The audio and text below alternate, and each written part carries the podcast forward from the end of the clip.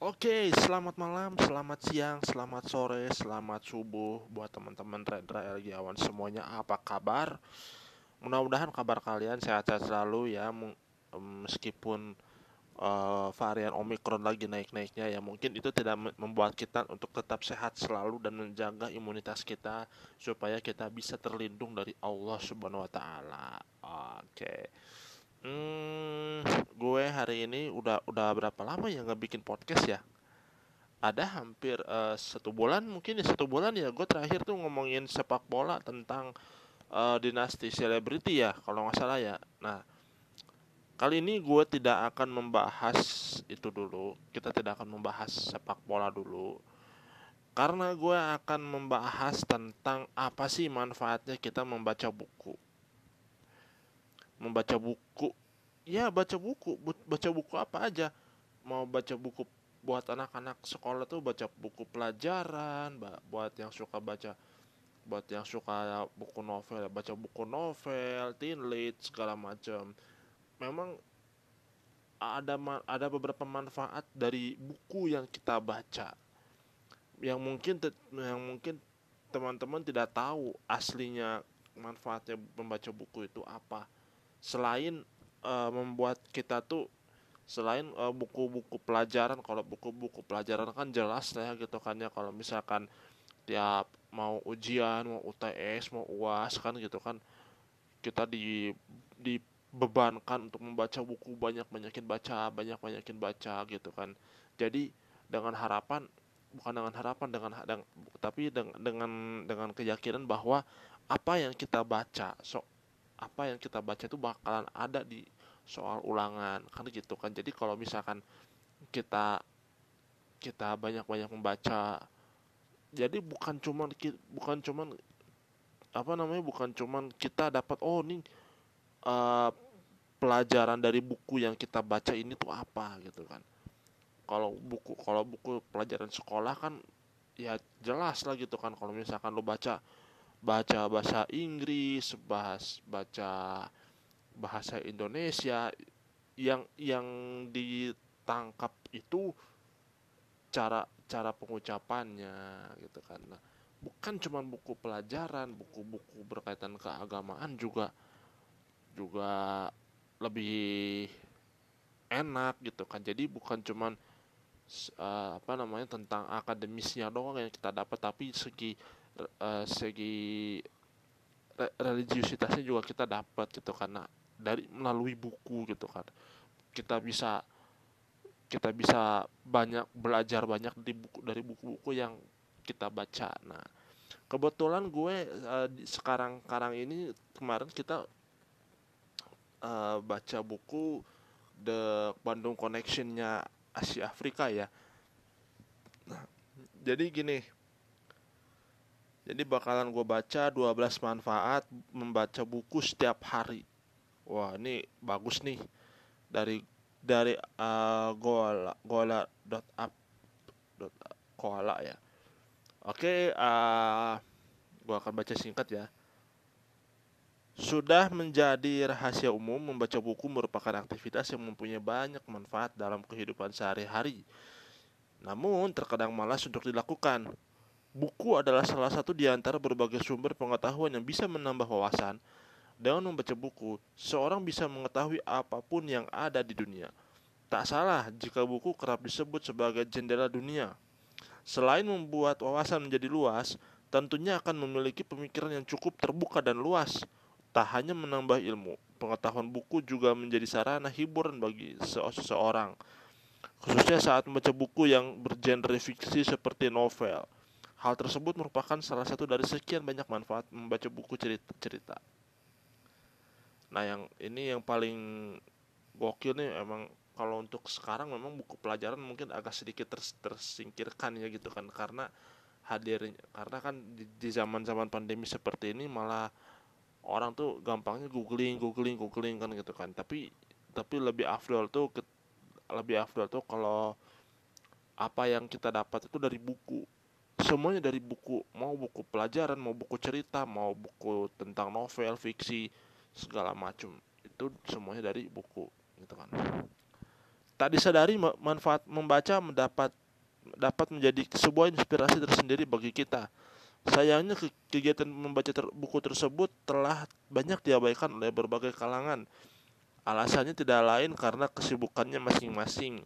Makin ke sini membaca buku juga perlahan ditinggalkan sebab adanya media yang lebih praktis untuk mendapatkan informasi seperti televisi, radio maupun media internet. Tak heran jika banyak yang belum mengetahui manfaat membaca buku cerita fiksi maupun non-fiksi, terutama terutama manfaat membaca buku bagi anak, karena memberikan dampak yang cukup baik. Nah, ini si situs sekolah ini bakal ngejelasin secara detail ya teman-teman manfaat apa aja sih uh, yang membaca buku yang jarang banget orang tahu gitu kan kita mulai dari yang pertama itu manfaat membaca buku itu bisa membantu mengurangi stres. Ini penjelasannya ya teman-teman. Jadi tak hanya menambah informasi seputar buku yang sedang dibaca, membaca buku ternyata juga dinilai mampu mengurangi tingkat stres seseorang. Hal ini dikarenakan menurut survei membaca buku dapat menurunkan tingkat stres hingga 68% tentunya lebih tinggi dibandingkan mengurangi tingkat stres dengan mendengarkan musik atau hanya bermain game. Tidak sebat, tidak terbatas hanya dengan satu jenis buku yang paling utama adalah membuat diri sendiri merasa nyaman dengan bacaan yang dimiliki. Dengan demikian kamu dapat merasakan manfaatnya dengan baik. Nah, kalau bisa mengurangi stres tuh ya kayak gini nih, ini mantep banget. Memang buku itu memang bisa menghilangkan stres sebesar 68%. Bayangkan ketika teman-teman uh, ketika tem ketika teman-teman sedang sedang dalam perjalanan, teman-teman bingung di perjalanan di, di kereta ngapain kan gitu kan daripada daripada ya duduk tidur jalan-jalan ke WC jalan-jalan ke WC bolak-balik kan mending baca buku ya kan? Ya karena memang karena memang ya itu misalkan teman-teman uh, selagi teman-teman misalkan uh, punya inilah gitu kan uh, trip nekat kayak gue gitu kan maksud kayak gue tuh gue kan gue kan kalau trip nekat itu kayak misalkan gue ke Jakarta ke Jakarta dengan modal nekat. Nah begitu begitu teman-teman melakukan hal yang sama dengan gue pastinya kan teman-teman ngerasa uh kalau gue kan ke Jakarta ke Jakarta pakai kereta api lokal Cibatuan. Tapi selama di perjalanan tuh gue ngerasa jenuh gitu kan. Maksudnya jenuh dengan perjalanan yang lama padahal aslinya kan Jakarta Bandung tuh kan hampir kurang dari tiga jam lah ya hampir tiga jam. Nah ini bisa bisa empat jam lima jam lebih gue tiga jam empat jam lima jam gue bisa di kereta. Nah salah satunya gue harus bawa buku gue harus bawa gue harus bawa buku. Kenapa? Karena kan sudah pasti kan sudah pasti misalkan misalkan teman-teman hari hari ini lagi ondo lagi otw otw otw ke Jakarta malam-malam pakai lokal Cicalengka. Nah kan karena di stasiun Bandung itu kan lama kan ya? Lama terus lama lama karena uh, apa namanya ngisi bensin lokomotif kadang lokomotifnya diganti atau enggak begitu atau enggak begitu teman-teman di pedalarang suka ditunggu kereta api yang akan datang kan itu kan. Itu yang bikin teman-teman antara ngantuk sama bete. Nah akhirnya apa? Bacalah buku. Bacalah buku. Buku apa aja? Misalkan teman-teman gue gue selama perjalanan gue bawa buku uh, buku Lord of the Rings. Nah baca gitu tapi ya baca baca gitu kan. Tapi tidak sam ya tapi sampai teman-teman ngerasa oh ya apa uh, buku yang gue buat baca ini ternyata bisa menghasil bisa bisa membuat wawasan gue tuh tentang buku yang gue baca ini jadi tahu gitu kan atau misalkan kalau teman-teman naik kereta api lokal Cibatu yang siang tetap dengan ke Jakarta dengan kondisi yang sama gitu kan lama di stasiun Bandung terus uh, lama di Padalarang karena disilang sama Serayu. Nah, baca buku misalkan uh, baca buku The Bandung Connection misalkan.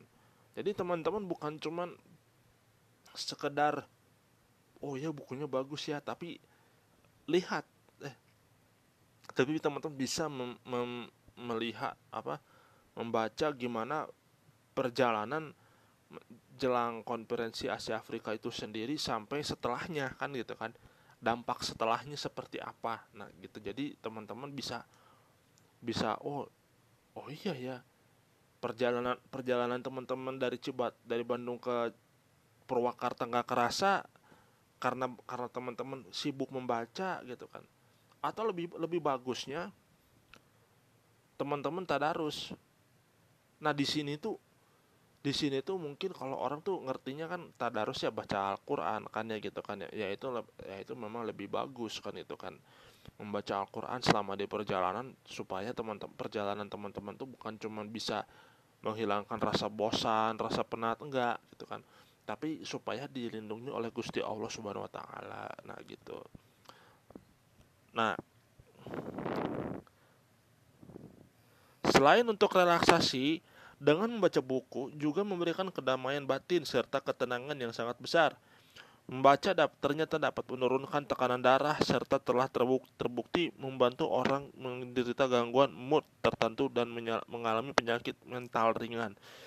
Ini adalah salah satu manfaat membaca buku, cerita, atau beragam jenis buku lainnya yang banyak orang abaikan.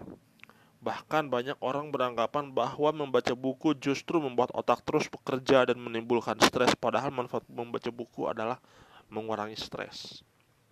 Ya ini tadi gue bilang kalau teman-teman naik kereta api lokal Cibatuan dengan tujuannya mau ke Jakarta ya karena misalkan dalam situasi kereta api lokalnya itu disilang sama kereta api Serayu yang mengakibatkan perjalanan teman-teman agak lama dan bikin membuat teman-teman stres ya bisa membaca buku. Bahkan ketika teman-teman membaca buku dari A sampai Z minimal misalkan uh, kalau teman-teman membawa, membawa buku ya sebesar 4, 400 halaman ya mungkin teman-teman cukup karena misalkan mencicil mencicil misalkan sampai 100 halaman kan itu kan. Sampai 100 halaman mungkin besoknya nanti lanjut lagi 100 halaman sampai terusnya gitu kan.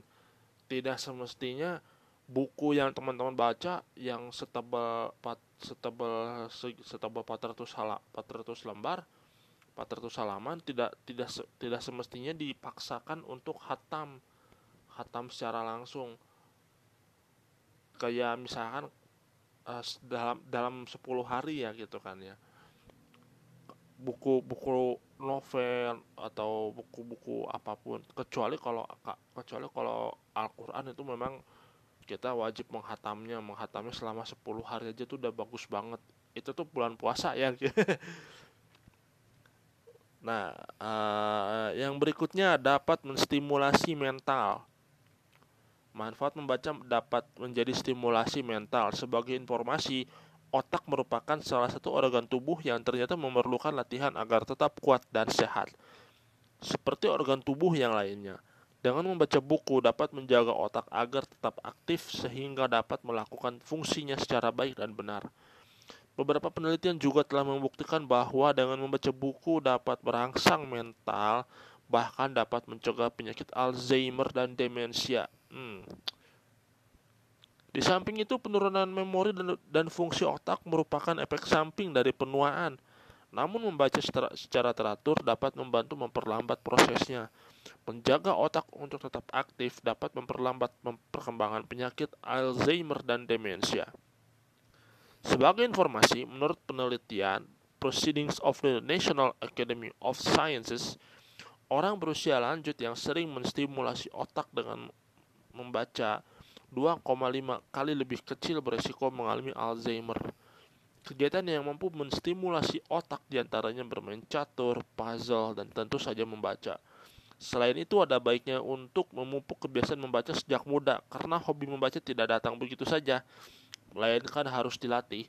Jadi jika baru memulai membaca di saat tua, kemungkinan kamu akan cepat bosan dan tidak akan betah berlama-lama membaca. Nah ini,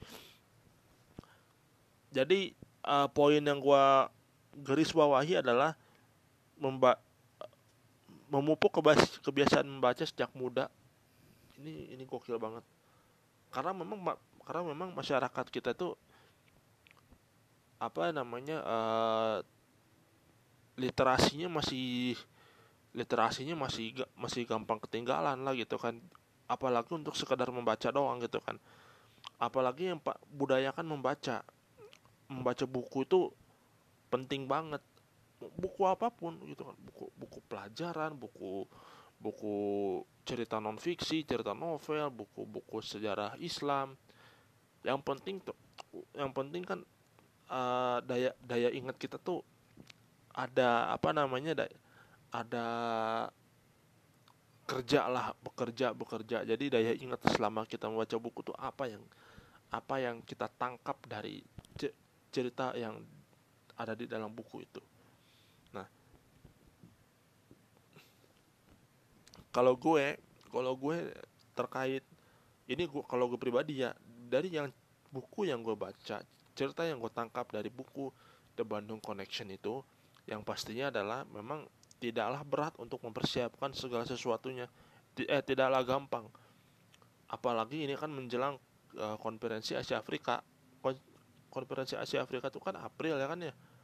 April tanggal 8 April pokoknya menjelang bulan puasa.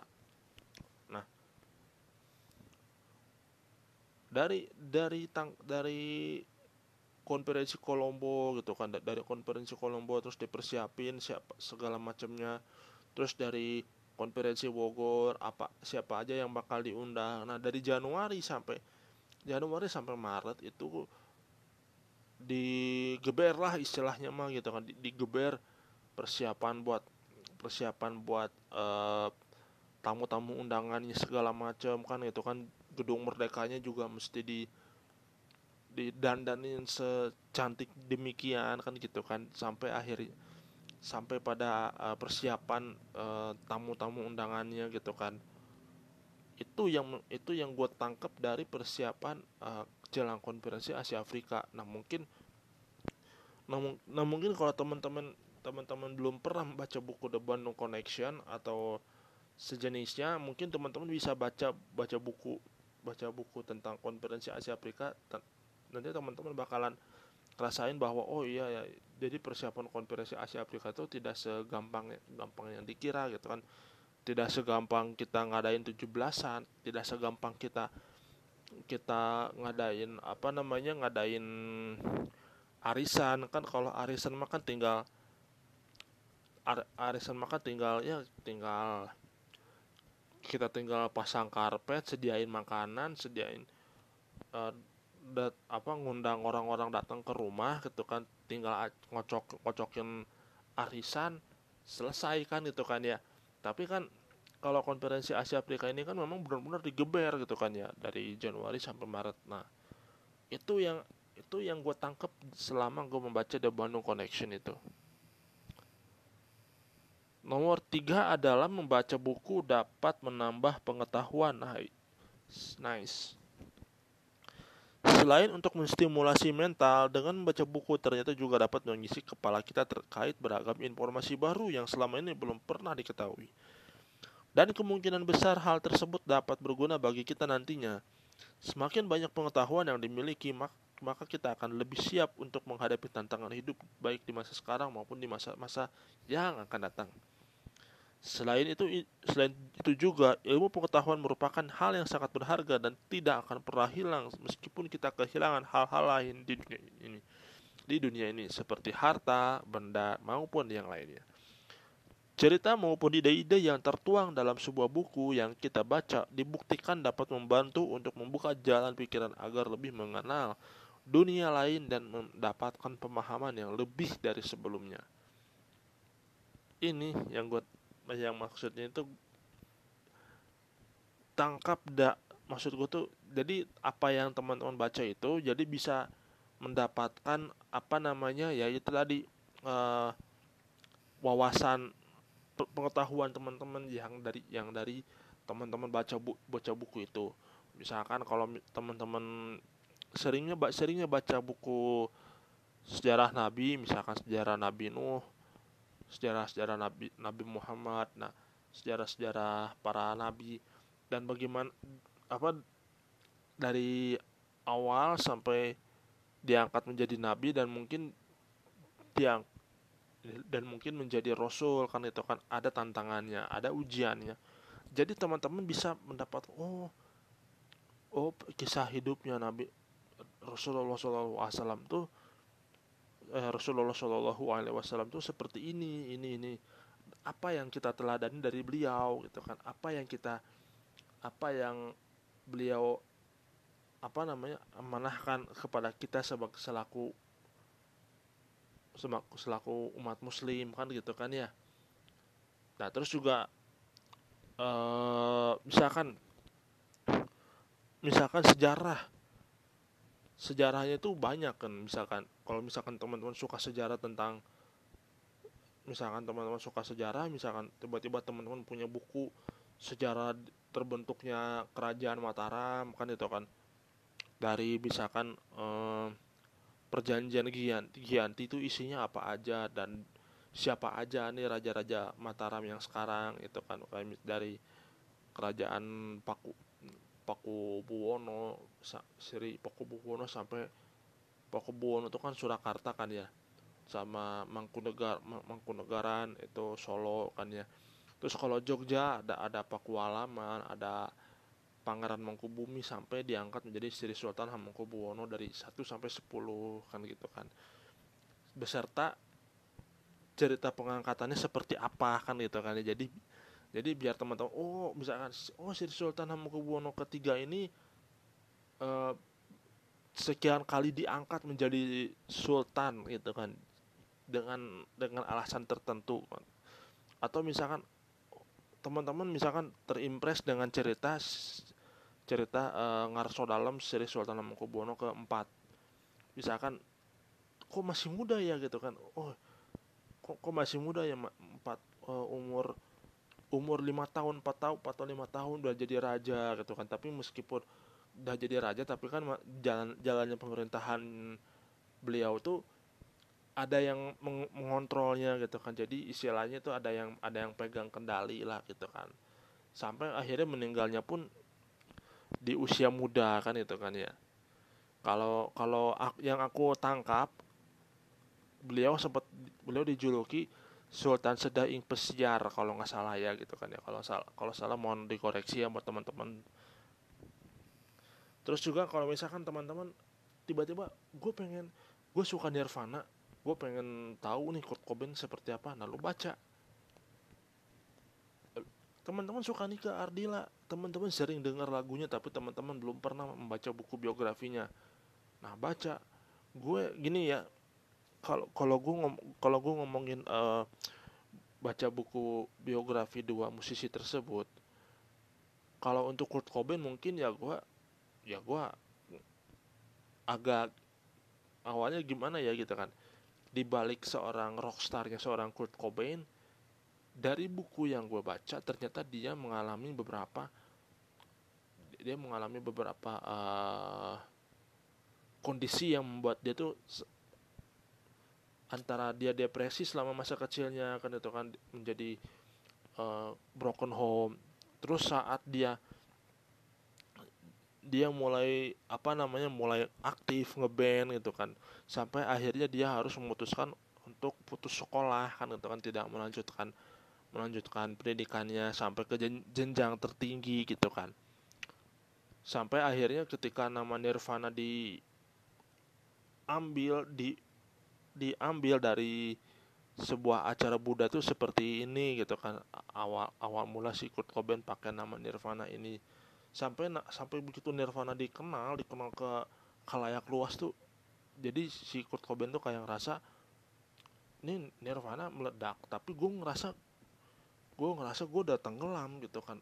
Maksud maksudnya tuh gue udah tenggelam di tengah orang-orang di, di tengah orang-orang yang mulai menggilai gue gitu kan beda dengan beda dengan Freddie Mercury yang begitu yang begitu apa namanya begitu disuka dikenang banyak orang kan itu kan. Itu yang gue tangkap ketika ketika membaca part uh, salah satu partnya uh, suratnya Kurt Cobain kan itu kan. Gue ini gue ini nggak bisa bayangkan begitu anak gue anak satu-satunya gue bisa jadi rocker busuk. Rocker busuk seperti gue gitu kan dan memang banyak yang menyayangkan itu kan dari yang gue tangkap dari buku Kurt Cobain itu um, apa ya? Ya itu gitu kan. Yang gue tangkap adalah ketika seseorang ketika seseorang mulai seseorang berada di suatu titik apa titik uh, keterkenalannya dia malah mengakhirkan hidupnya dengan yang tragis itu yang pertama dari Kurt Cobain. Dari Nika Ardila. Dari Nika Ardila umur belasan tahun. Umur belasan tahun dia sudah diasah untuk menjadi seorang penyanyi. Bahkan umur waktu waktu gue baca kalau nggak salah tuh umur berapa tahun ya um, itu dia udah belajar vokal sama Kang Aji Esa Putra kalau Kang Aji Esa Putra tuh siapa? Nah jadi gini teman-teman. Ini yang gue tangkap aja ya gitu kan sepenangkapan gue vokal uh, seorang guru vokal di Bandung gitu kan. Kalau kursusnya itu di kursusnya itu di daerah sekolah kursusnya itu di daerah uh, eh, BKR ya. Di daerah BKR uh, eh, Pasir Luyu Pasir Luyu Pasir Luyu BKR nah begitu begitu dia mendapatkan di, begitu dia mendapatkan sebuah major label ngerasa bahwa wih ini anak nih hebat kan gitu kan ya umur kalau kita seumur anak belasan tahun aja masih masih main PS kan gitu kan masih main warnet kan gitu kan ya. dia udah bisa ngecetak cetak lagu gitu kan. Umur 11 tahun tuh tahun 87 12 tahun ya umur 12 tahun. Dan tahun 88 nya tuh udah main sinetron. 88 89 itu 89 89 nya ngerilis album seberkas sinar. Itu 14 tahun. Umur 14 tahun seberkas sinar. Dan puncaknya pas lah album bintang kehidupan kalau nggak salah. Eh sorry bintang ke bintang kehidupan apa apa sih? Gue lupa. Bintang kan bersinar menerpa menerang hidupku. Bahagia akan datang. Nah itu itu yang buat gue tuh ngerasa bahwa gak cuma lewat denger gak cuma lewat lagunya ada kisahnya gitu kan. Ada kisahnya di balik kesuksesannya beliau ini. Gue ini kalau kalau ngomongin almarhum Nika Ardil aja tuh udah merinding banget. Puncaknya adalah ketika gue membaca buku itu. Gue bisa membedakan kenapa gue baca Kurt Cobain dari dari beliau lahir terkenal terkenal karena Nirvana terkenal lewat Smell Like Teen Spirit tapi ketika gue baca baca Nika Ardila merinding. Asli asli gue merinding banget ini. Gue gue merinding gitu kan.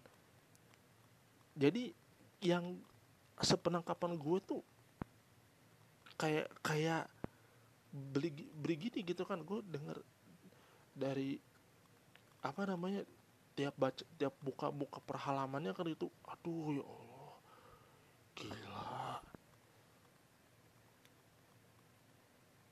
Gila banget itu kan cantik gitu kan.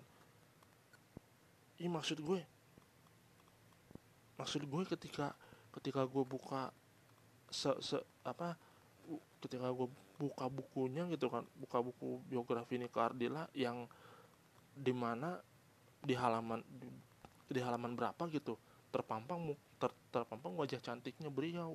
Aduh juga anjir. Apalagi pakai seragam SMA aduh. Gue bergidik banget gila ini aja tuh mulai merinding tuh deh mulai bergidik gue mulai mulai mulai merinding nih. Padahal cuma buku loh. Padahal cuma buku loh gitu kan ya.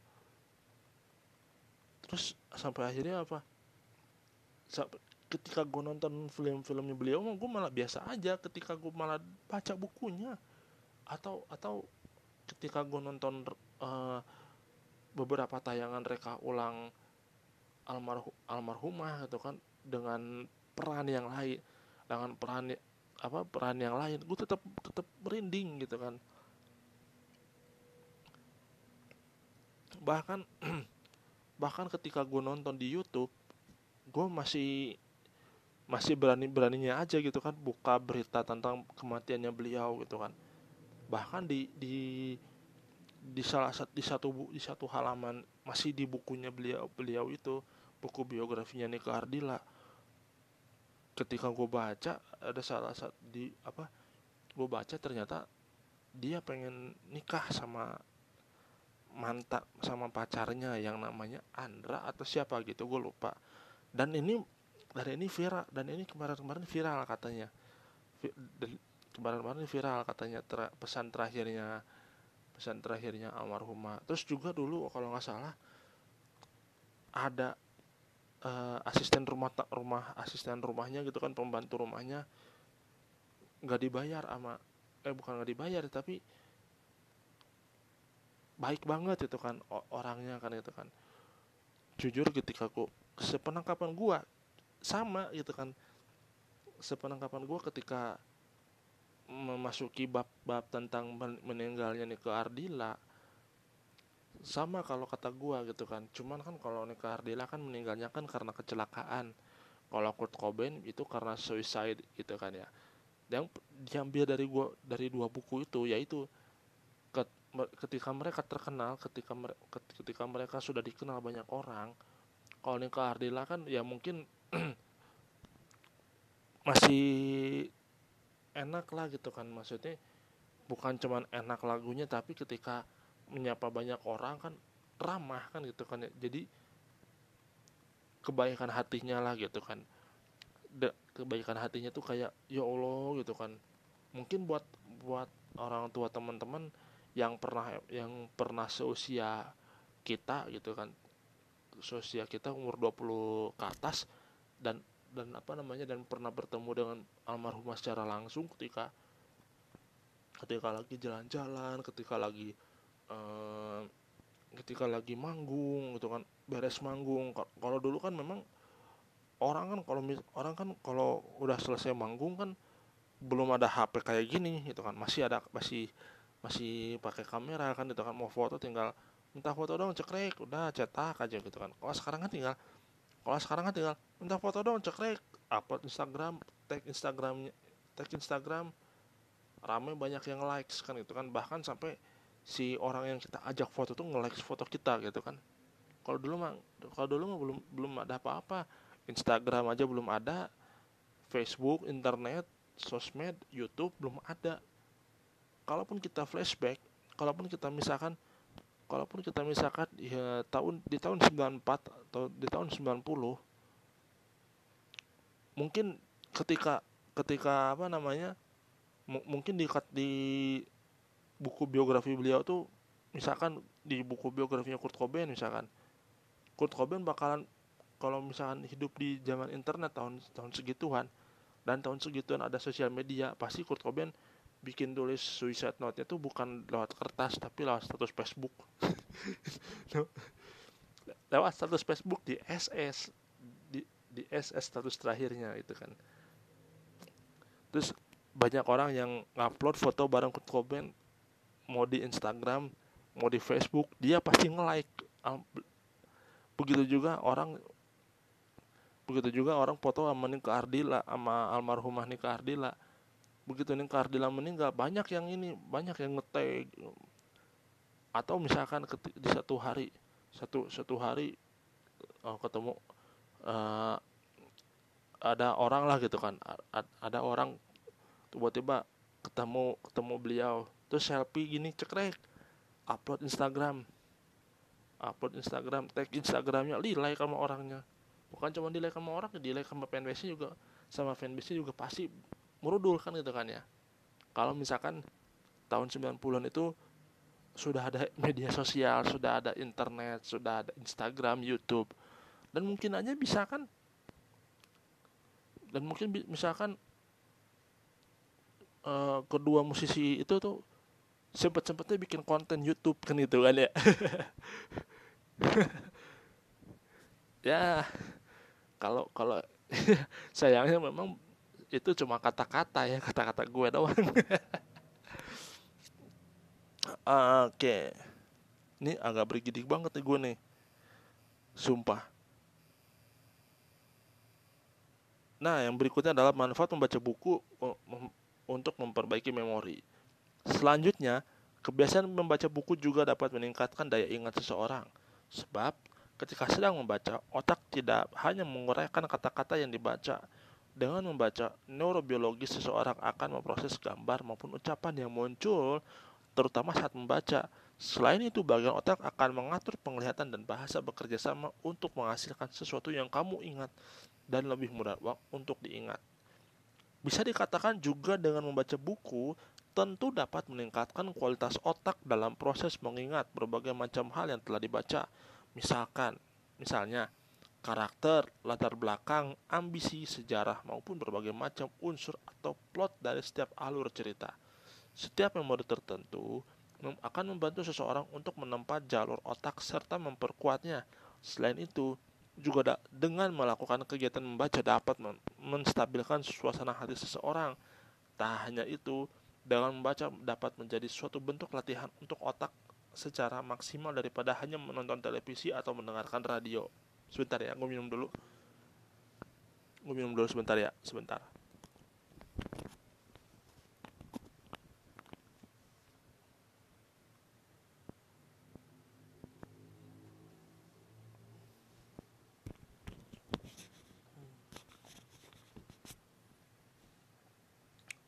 Nah,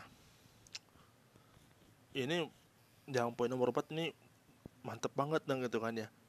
Bisa bikin uh, stabil menstabilkan hati yang tadinya bad mood jadi good mood kan gitu kan ya.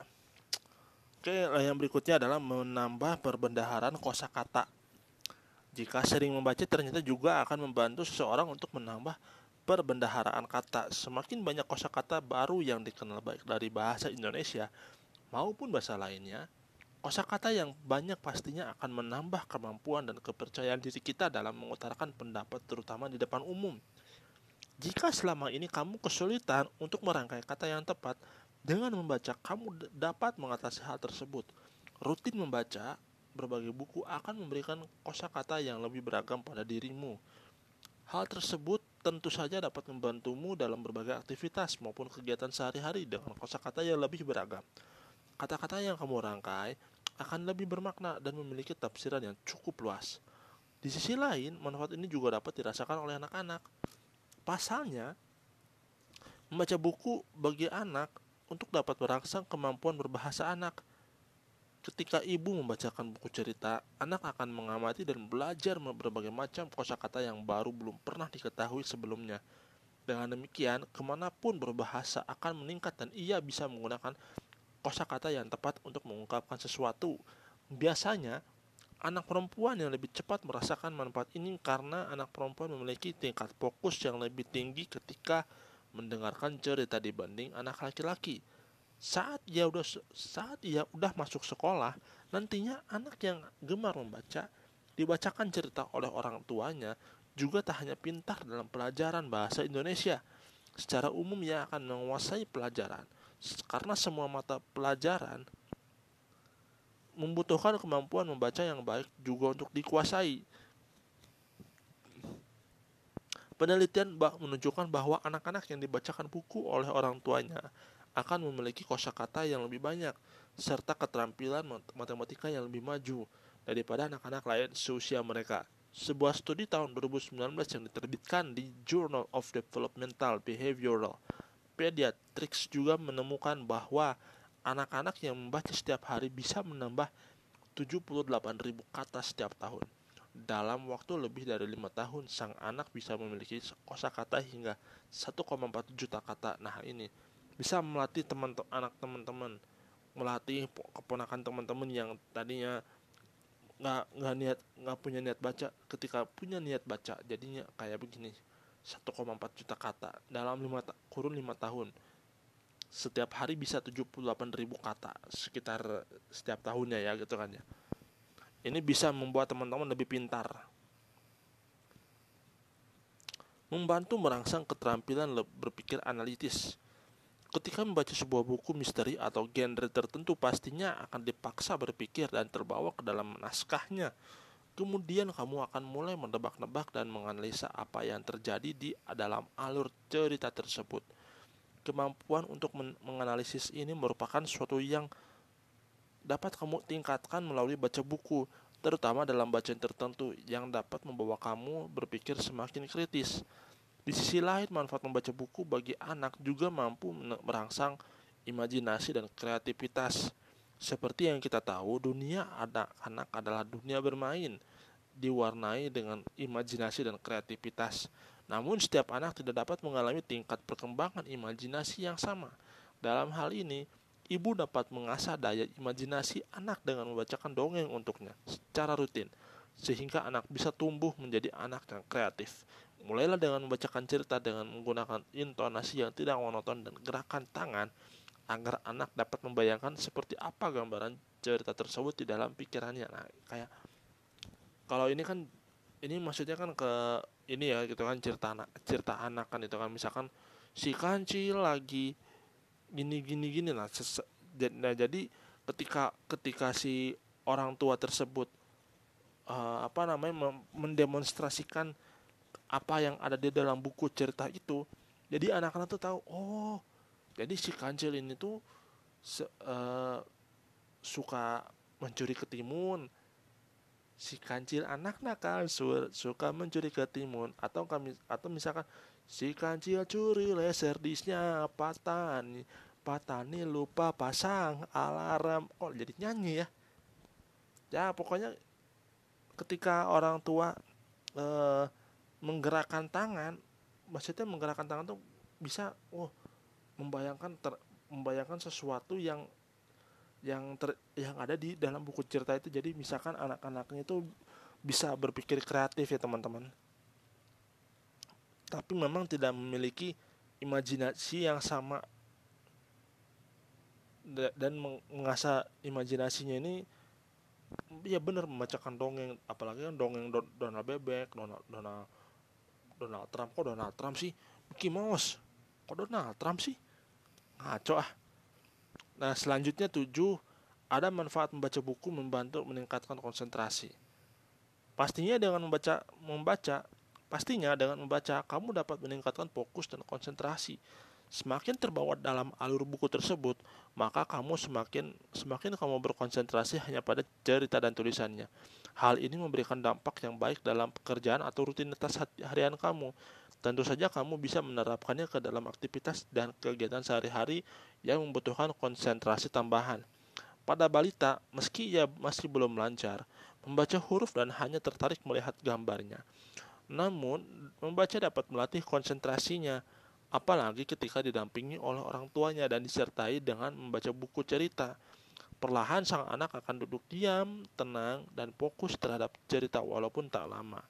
Dengan membaca, pikiran anak akan mulai fokus memperhatikan isi dari bacaan, sehingga tak heran jika manfaat dari membaca buku yaitu dapat melatih konsentrasinya ketika ia mulai memasuki masa sekolah nanti. Hal yang utama tentunya mendapatkan hasil yang maksimal. Fokus dan konsentrasi memang sangat diperlukan dalam mengerjakan sesuatu. Banyak buku yang juga mengajarkan cara meningkatkan konsentrasi, misalnya dengan cara meditasi dan sebagainya. Namun sebenarnya ada teknik sederhana yang dapat meningkatkan konsentrasi bela belajar, yaitu terutama dalam belajar atau membaca buku. Rahasia konsentrasi tersebut ada pada kemampuan untuk membangkitkan minat apa yang ingin dibaca dipelajari atau dikerjakan. Nah, ini kalau misalkan anak-anak usia sekolah tuh pastinya uh, benar ini kan ada minat apa aja sih yang bakal dibaca, dipelajari atau dikerjakan. Nah, misalkan misalkan uh, minatnya adalah main musik. Main musik itu kan bukan cuma sekedar sekedar main gitar, drum, tapi kan apa namanya uh, dibaca dulu um, sejarah si alat musik gitar ini dari mana uh, apa saja gitu kan macam-macamnya gitu kan nah terus dibaca juga dipelajarinya itu apa aja nih kalau misalkan main gitar nih di melalui buku ya gitu kan melalui media buku. Nah pastinya tuh ketika ketika teman ketika kita membacakan sebuah buku buku misalkan buku tutorial musik pastinya yang kita kita tuh mempelajari apa yang apa aja yang ada di buku itu. Misalkan gue gue misalkan mau belajar belajar gitar pakai buku kunci gitar ya gitu kan ya kunci basicnya adalah D. Nah D itu kuncinya seperti gimana gimana? Jari jari jari jarinya di mana aja G juga gimana? Uh, A minor gimana? A A mayor gimana? E E minor gimana? A, E mayor gimana? F F F minor F crash Fis C Cis Gis gitu kan sega dan sega dan segalanya kan itu kan. Nah jadi jadi ketika kita sudah memahami ketika kita sudah mempelajari apa yang ada di dalam buku itu otomatis itu bisa kita membuat lebih konsentrasi dan fokus. Ini ya salah satunya. Berikutnya membantu meningkatkan kemampuan menulis. Manfaat membaca adalah meningkatkan dapat meningkatkan writing skill seseorang. Hal ini terjadi seiring dengan meningkatnya jumlah buku yang dibaca karena membaca buku akan membuat seseorang memiliki wawasan dengan wawasan itu nantinya akan dituangkan ke dalam tulisan Misalnya, jika kamu belum mengetahui apa pun tentang asuransi kesehatan, apakah kamu mungkin bisa menceritakan tentang asuransi kesehatan lewat tulisan? Tentu saja tidak. Kamu harus mempelajari terlebih dahulu tentang asuransi kesehatan dengan membaca atau melihat video. Begitu juga pada saat kamu ingin menulis. Setidaknya kamu harus menguasai apa yang akan kamu tulis. Salah satunya dengan membaca buku. Ditambah lagi dengan membaca buku, kamu akan lebih paham tentang bagaimana memilih kata yang tepat, bagaimana membuat kalimat efektif, bagaimana alur ceritanya dan masih banyak lagi. Nah, ini ini salah satu yang step by step ketika teman-teman ketika teman-teman uh, baca sering-sering baca buku, baca-baca buku dan ternyata ternyata ada keinginan untuk ah saya pengen jadi penulis nih, penulis buku. Ketika penulis buku, nah ini salah satunya. Memilih kata yang tepat membuat kalimat efektif dan alur ceritanya itu kayak gimana itu yang paling penting. Terus kalau misalkan teman-teman pengen tulis tentang tentang uh, bis damri tapi teman-teman nggak tahu nggak tahu damri itu sejarahnya kayak gimana ya teman-teman bingung bingung kan gitu kan. Sejarah kereta api misalkan sejarah argo parahyangan lah gitu kan. Sejarah Parahyangan tapi teman-teman sendiri malah belum pernah ngerasain Parahyangan. Teman-teman bingung. Teman-teman bingung caranya gimana. Nah lalu nonton video misalkan. Nonton nonton video gitu kan. Uh, nonton video dari mana uh, apa sih yang yang yang apa namanya yang yang menjadikan uh, bukan menjadikan apa sih yang apa sih yang menjadi yang terjadinya si kereta api Parahyangan itu diluncurkan. Terus gimana gitu kan gimana keadaan saat pertama kali diluncurkan perjalanannya. Terus uh, munculnya argo gede itu kayak munculnya argo argo gede itu apa sebabnya gitu kan yang paling dan yang paling terakhir adalah uh, penghentian penghentian operasional Parahyangan ini kenapa gitu kan?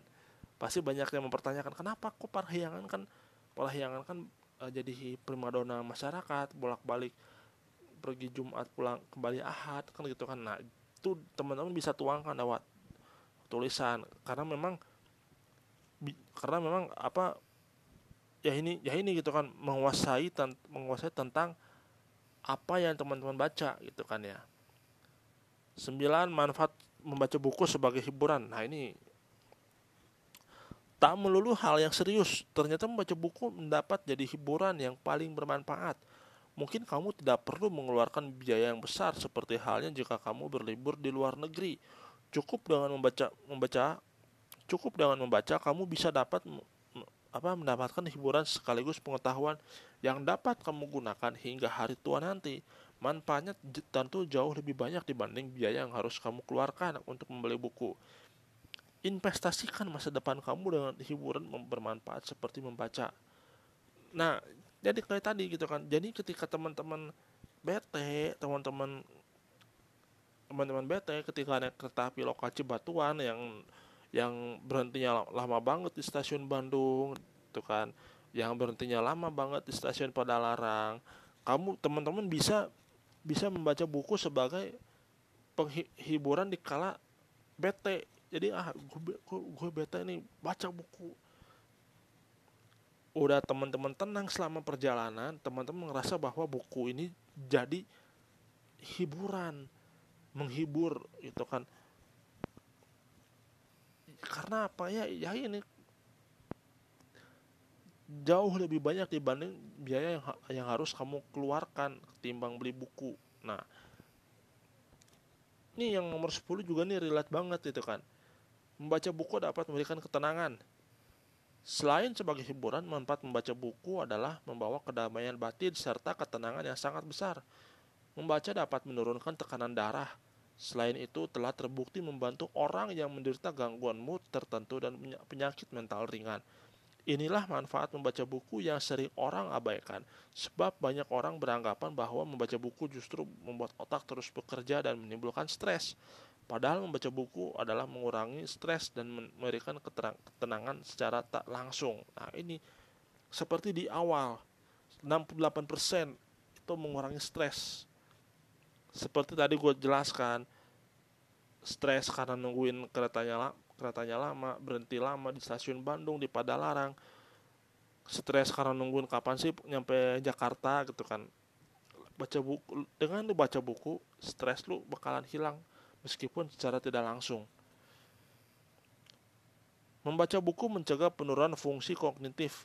Seperti yang diketahui, kemampuan mengingat seseorang akan semakin menurun seiring bertambahnya usia. Namun beberapa penelitian menyatakan bahwa membaca dapat membantu bahkan mencegah penurunan kemampuan kognitif. Bahkan dapat membantu mencegah bentuk gangguan kognitif lebih parah seperti Alzheimer. Penelitian dari Rush University Medical Center in Chicago, Illinois yang dipublikasikan di jurnal neurologi pada tahun 2013 menunjukkan sebuah fakta bahwa membaca dan kegiatan menstimulasi otak lainnya dapat memperlambat demensia. Langsung aja ya ke terakhir ya, ini udah jam setengah 12. Manfaat membaca buku untuk membantu meningkatkan kualitas tidur. Terakhir, Menggunakan smartphone sebelum waktu tidur memberikan dampak yang tidak baik, antara lain dapat mengurangi durasi tidur dan menurunkan kualitas tidur, seperti yang disampaikan dalam penelitian yang dipublikasi di Social Science and Medicine.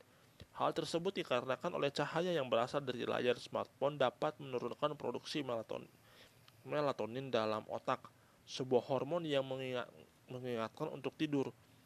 Oleh sebab itu, penting halnya untuk menukar kebiasaan menukar menggunakan smartphone dengan membaca sebelum tidur.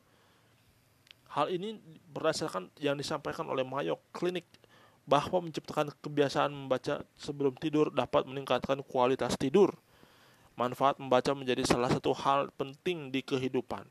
Tak hanya menambah wawasan, manfaat membaca juga menjadi suatu hiburan tersendiri bagi seseorang. Selain itu, dengan membaca kita menjadi lebih tahu banyak hal Pentingnya membaca juga diperlukan saat kita membeli sebuah asuransi dan membaca isi dari polis asuransi tersebut umumnya. Ketika membaca polis asuransi, kening jadi berkerut, kemudian sulit memahami masing-masing istilahnya. Sebenarnya tidak susah itu. Jangan sampai abai terhadap polis asuransi, setidaknya dalam paham dan tahu keuntungan yang didapat dari asuransi, cara klaim dan besaran preminya setiap bulan. Sebab terkadang banyak nasabah asuransi merasa tertipu atau dipersulit ketika mengklaim asuransi. Padahal jika dilihat lebih lanjut, hal ini terjadi karena kesalahpahaman yang timbul akibat kurangnya membaca polis asuransi yang dibeli. Jika kamu masih bingung dan belum paham istilah polis dari polis dari, dari beberapa istilah asuransi lainnya, kamu bisa membacanya di Koala App atau Koala Blog. Nah, ini nih langsung promosi nih kayak ini ya. Di sana kamu akan paham definisi yang sering dipakai oleh asuransi hingga nantinya saat kamu membeli asuransi dan membaca polisinya tak kebingungan. Nah,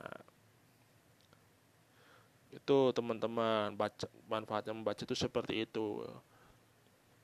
Jadi ada 12 ya, ada ada ada 12 manfaat yang kita terima saat kita membaca. Oke, se sebagai ini aja gitu kan sebagai apa namanya sebagai uh, promosi juga gitu kan ya gue ini kan aktif saat ini kan aktif di apa namanya di Asia Afrika apa namanya Asia Afrika Reading Club. Nah, di Asia Afrika Reading Club ini tuh ada kita membaca buku tadarus ya. Tadarus itu kan bukan berarti kita kayak misalkan baca Al-Qur'an. Kalau itu mah wajib kan ya gitu kan, wajib sebagai umat muslim.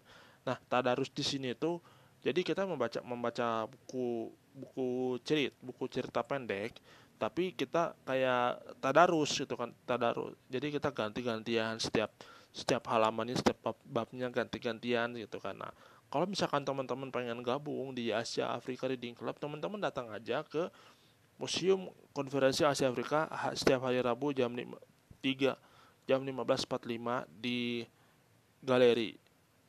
Datangnya jam jam 3 mau jam 2 juga boleh nggak apa-apa. Nah asalkan teman-teman sudah uh, vaksin ya sudah vaksin dosis satu minim, minimal dosis satu menggunakan aplikasi peduli lindungi dan terutama adalah suhu tubuhnya itu tidak lebih dari tidak lebih dari 35 atau 37 Celcius ya teman-teman. Nah, oke sekian aja dari gue udah setengah 12 nih. Sampai ketemu, sampai jumpa di podcast lainnya. Salam Rendra Liwal Podcast. Bye bye.